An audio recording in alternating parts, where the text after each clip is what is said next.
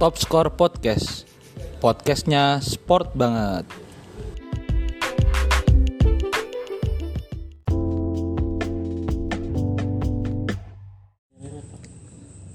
Halo sobat olahraga, selamat datang di Top Score Podcast.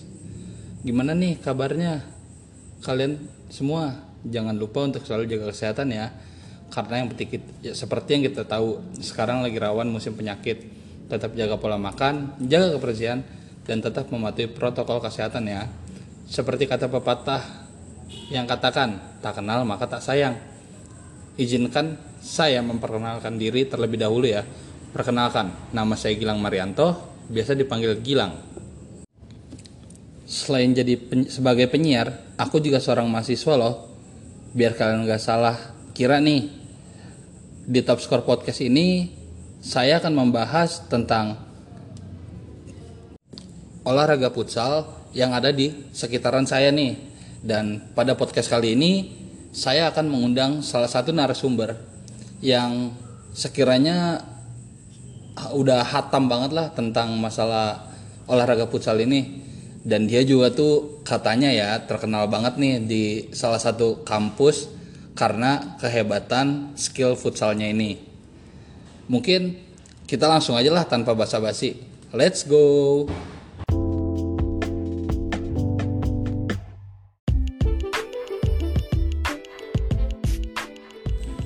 Top Score Podcast Podcastnya sport banget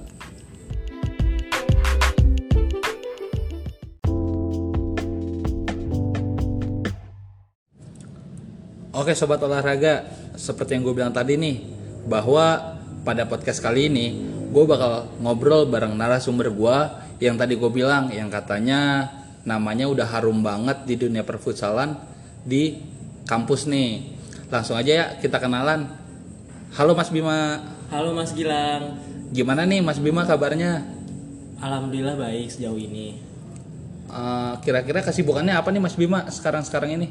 Uh, kesibukan ya, hmm, karena gue masih bersatu sebagai mahasiswa, jadi kesibukan sekarang tuh kayak uh, nugas-nugas aja sih. Terlebih gue kan sekarang tingkat akhir ya, jadi uh, sibuk nyari PKL gitu. Oh ya, by the way ini lo gue aja nggak apa-apa kan, santai aja gitu. Nggak apa-apa kok, karena kan pendengar podcast gue ini anak-anak muda zaman sekarang. Oh siap siap siap. Jadi kita ngobrol santai aja gitu, ngobrol-ngobrol santuy. Oke Mas Bima, jadi kan podcast gue ini tuh bakal ngebahas seputar tentang olahraga futsal. Terutama sih kalau kemarin gue udah ngebahas tentang futsal yang ada di negara kita ini nih Mas Bima. Oh iya iya. iya. Jadi gue kayak ngebahas tentang uh, pemain-pemain timnas futsal Indonesia, terus piala-piala yang udah diraih sama timnas futsal Indonesia. Nah kalau sekarang tuh gue pengen nanya gitu, pengalaman lu dari awal kenal futsal tuh kira-kira gimana? Kan katanya nama lu ini di kampus tuh harum banget gitu kan?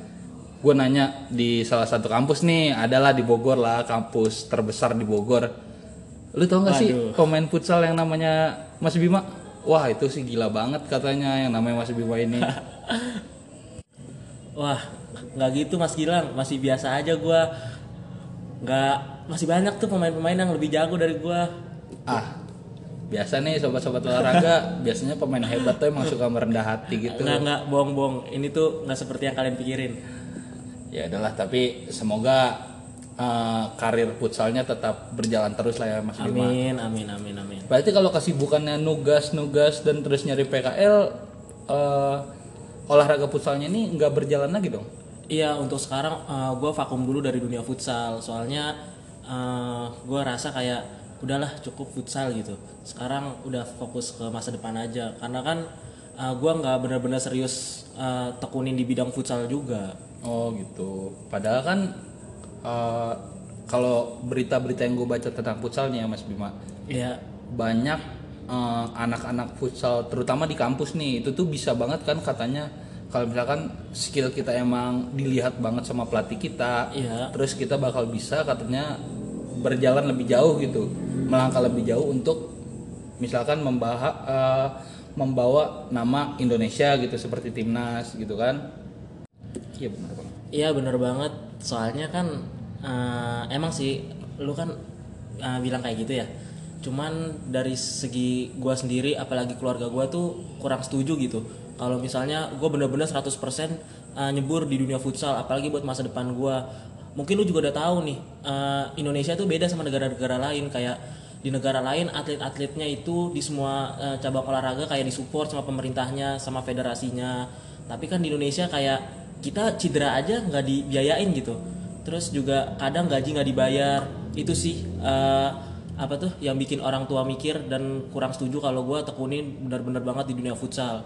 Tapi kalau misalnya dari hati gue sendiri sih ya gue emang pengen banget gitu jadi pemain futsal profesional Oh, berarti karena ada uh, kurang persetujuan dari orang tua juga ya Mas Bima ya? iyalah Tapi kan berarti uh, sejauh ini lu tuh cuman ngejadiin futsal sebagai hobi doang gitu?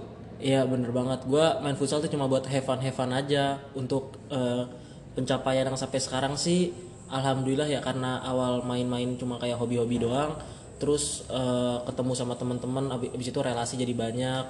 Terus juga eh, kenal sama pelatih-pelatih hebat. Kayak gitu aja sih sebenarnya awalnya tuh. Gue juga sebenarnya salah satu orang yang menggemari futsal nih Mas Bima. Oh iya kelihatan sih mas. Ah bisa aja nih, lu Mas Bima. Oh ya Mas Bima, gue mau nanya, lu kan eh, yang tadi gue bilang nih nama lu udah harum banget kan. Nggak gitu bre. Terus juga semua orang kayaknya sudah kenal lu, apalagi wanita-wanita nih, aduh kan. Aduh bisa jadi mas. Biasanya nih ya kalau cowok-cowok yang jago futsal gitu, ceweknya banyak nih. enggak bisa lah dioper, siapa tahu buat gue bisa kan, terus juga buat pendengar podcast gue nih, sobat-sobat olahraga top score podcast kan.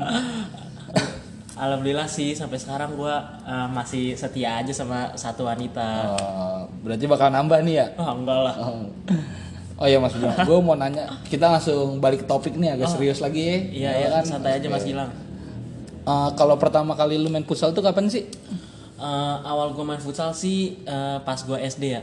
Pertama sih gue udah tahu nih eh, futsal futsal kayak sepak bola sepak bola Indonesia gitu. Cuman gue mainnya cuma baru sama yang kayak sama teman-teman kampung sama anak-anak rumahan. Oh iya ya sama kayak gue berarti dulu. Jadi dulu mah se- sepak bola tarkam lah. Iya sepak bola tarkam Bocah-bocah kampungan kan. Yang kalau misalnya hujan tuh ditunggu Iya. ditunggu-tunggu banget. Terus mainnya nggak pernah pakai sepatu kan, Nah, iya nyeker, sampai kaki pada robek Nah, ya kan. gawangnya pakai batu, pakai sendal. Iya, itu gue banget tuh dulu kayak gitu juga Mas Bima.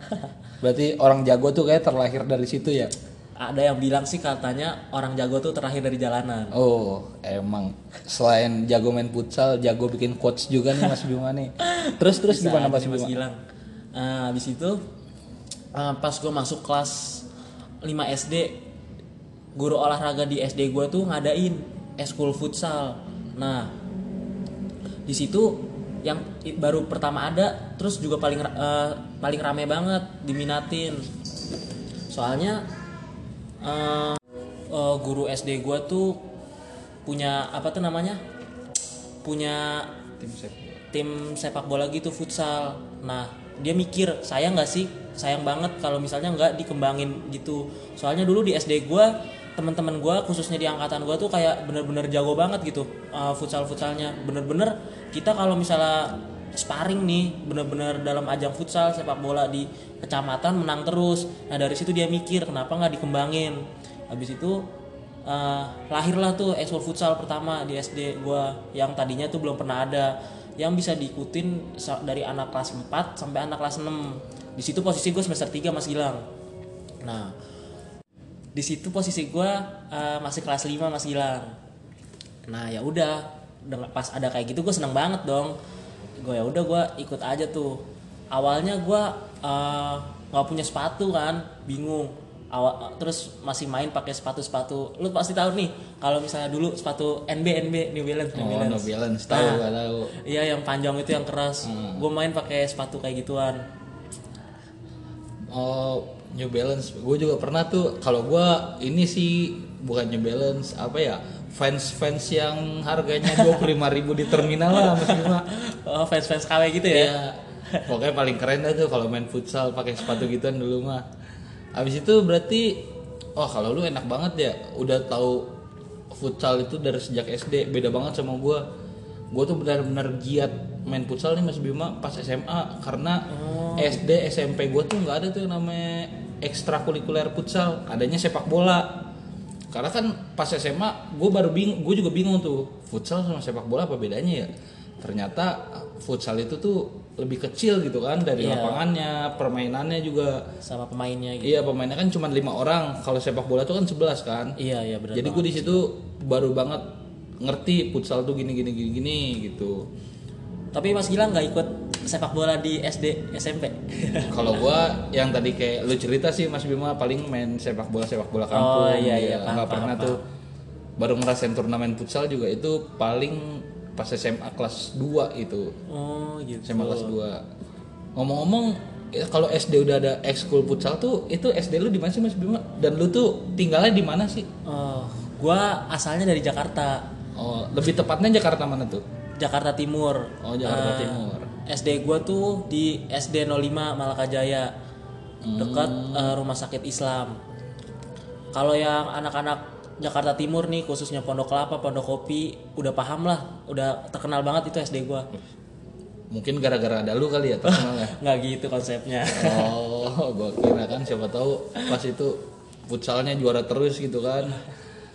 Oh, berarti lu tuh udah dari kecil berarti udah ngerti futsal. Eh, ngerti sih enggak, cuman tahu aja sih. Oh, kayak ikut-ikutan lah gitu ya. Iya, benar ikut-ikutan. Terus Mas Bima pertanyaan selanjutnya nih, lu tuh udah berapa kali sih juara selama lu ikut turnamen-turnamen futsal ini? Eh, Dari lu SD nih kan, tadi lu bilang sampai lu kuliah sekarang. kayak eh, kalau Mas Gilang nanya gitu sih, gimana ya gue jelasinnya ya? Eh, maaf ya, bukannya gue sombong, tapi emang nggak kehitung sih. Wah, gila sih sobat-sobat olahraga. Lu tahu lu dengar sendiri nih. Ini omongan dari narasumbernya langsung ya, bukan yang tadi kayak sebelumnya. Sebelumnya kan gue yang ngomong, tapi ini nar- dari narasumbernya langsung. ya gimana ya ditanya kan ya gue jawab gitu. Ya, berarti udah banyak banget berarti lu ya. Eh, dibilang banyak banget enggak, tapi ya alhamdulillah lumayan deh. Hmm.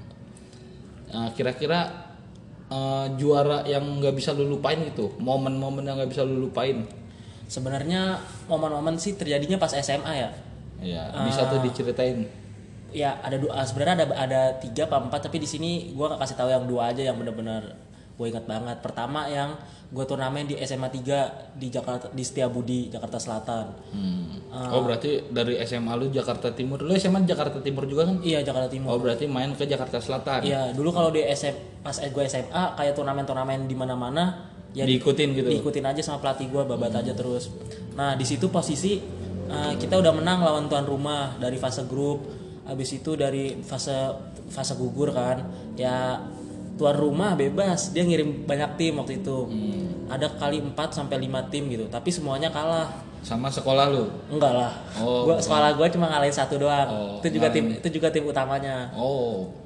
Terus Tim abis- utama aja lu babat gimana tim bawa-bawahannya lagi kan? Terus sih itu emang. uh, masuk tuh semifinal. Gua lawan uh, bisa dibilang SMA di selatan tapi yang bener-bener barbar. maksudnya yang namanya harum banget gitu di bidang sepak bolanya, di bidang futsal. Bukan Oh, yang bukan. terkenal kayak keras lah. Oh, kayak gitu jadi berantem-berantem kayak gitu. senggol bacok. Iya. Oh. Nah, di situ sekolah gua kalah di semifinal. Kalah 3-1 waktu itu. Habis itu pelatih gua marah-marah. Gue inget banget nih kata-kata pelatih gua yang yang sampai sekarang nggak bisa gue lupain. Apa Karena dulu di SMA gua tuh eh, nggak tahu ya kutukan atau kayak gimana belum pernah juara satu. Kita tuh selalu juara dua juara tiga juara dua juara tiga. Kalau udah masuk ke semifinal. Terus momen yang kedua tuh pas eh, gua kepilih ikut Pokari Sweat waktu itu. Oh, turnamen Pokari Sweat. Iya. Kan eh, kakak-kakak kelas gua dulu ikut Pokari Sweat di tahun 2017 apa 2016 gitu. Mereka kalah kan. Terus pelatih gua udah wanti-wanti nih ke angkatan gua kayak lu latihan yang bener kayak gitu. Kakak-kakak kelas lu aja yang bener-bener jago kalah. Cuman ya di situ kan gua cuma biasa doang kan bukan kapten bukan apa. Habis itu gue ngikutin teman gua aja. Nah teman-teman gua ini pada kayak besar kepala gitu pada sombong pada kayak udahlah nggak usah latihan gini-gini. Hasilnya bener pas kita ikut Pokari Sweat eh, awal kita kalah 7-0 habis itu kita kalah 5-0 udah lo- lolos fase grup. Di situ benar-benar abis dianjing-anjingin lah dibego-begoin sama pelatih gue ya gue di situ cuma gimana ya pengen ketawa cuman nggak bukan tempatnya tapi kesel ya udah kejadian ya gimana gitu. Akhirnya udah kita pulang dari Pokari Sweat ngelihat tim-tim yang lain menang. Eh, habis itu kayak rasa sedih sih. Tapi yang bener-bener ironi nih waktu itu lo tahu anaknya Ahmad Dhani nggak? Si L. Iya tahu. nah di saat gue di evalnya tuh sebelah sebelahan sama sekolahnya si L. Terus sekolahnya si L tuh lolos ke fase selanjutnya sedangkan gue tuh di anjing-anjingin ibaratnya gue dengar pelatihnya L ngomong kayak selamat kalian lolos ini kerja keras kita dan sebagainya macamnya sedangkan pelatih gue nih yang depan muka gue nganjing-anjingin gitu wah itu Mungkin itu sebagai motivasi kali ya, Mas Bima Iya. buat lu. Cuman- Makanya kan gue yakin sih pelatih gue juga pernah bilang kalau eh, lu tuh nggak bakal bisa langsung jadi pemain hebat. Iya. Harus melewati proses yang penuh rintangan gitu Iya kan. benar banget Mungkin gue yakin tuh dari kata-kata pelatih lu yang ibaratnya nggak nggak pantas lah diucapin gitu kan. Ah, Bisa ngebentuk lu sampai saat ini gitu kan. Iya sih, Walaupun di SMA nama lu kurang eh, harum gitu, tapi di kampus aja lu semua orang kenal lu gitu kan. Itu sih. alhamdulillah alhamdulillah iya sih mungkin Heeh, ya udah mungkin Mas Bima cukup sekian nih obrolan kita kali ini. iya Mungkin Makasih juga Mas Gilang udah ngundang Oke. saya nih ke podcastnya. Iyalah. Semoga podcast Mas Gilang tuh dan Mas Gilang sendiri makin sukses sehat terus. amin. Semoga bisa diajak tarkam nih sama Amin. Mas Bima. Siap calling calling aja. Oke. Oke Mas Bima sebelum kita selesai nih mungkin ada nih kata-kata motivasi gitu kan biar pendengar-pendengar podcast top score ini biar makin semangat lagi gitu main futsalnya. Ada nggak Mas Bima? Eh, Kata-kata dari gua sih buat lu pada yang pengen banget main futsal, abis itu pengen ngejar mimpi lu sebagai pemain futsal profesional, jangan pernah patah semangat karena orang hebat kalah dengan orang yang semangat. Mantap. Dengerin tuh sobat-sobat olahraga.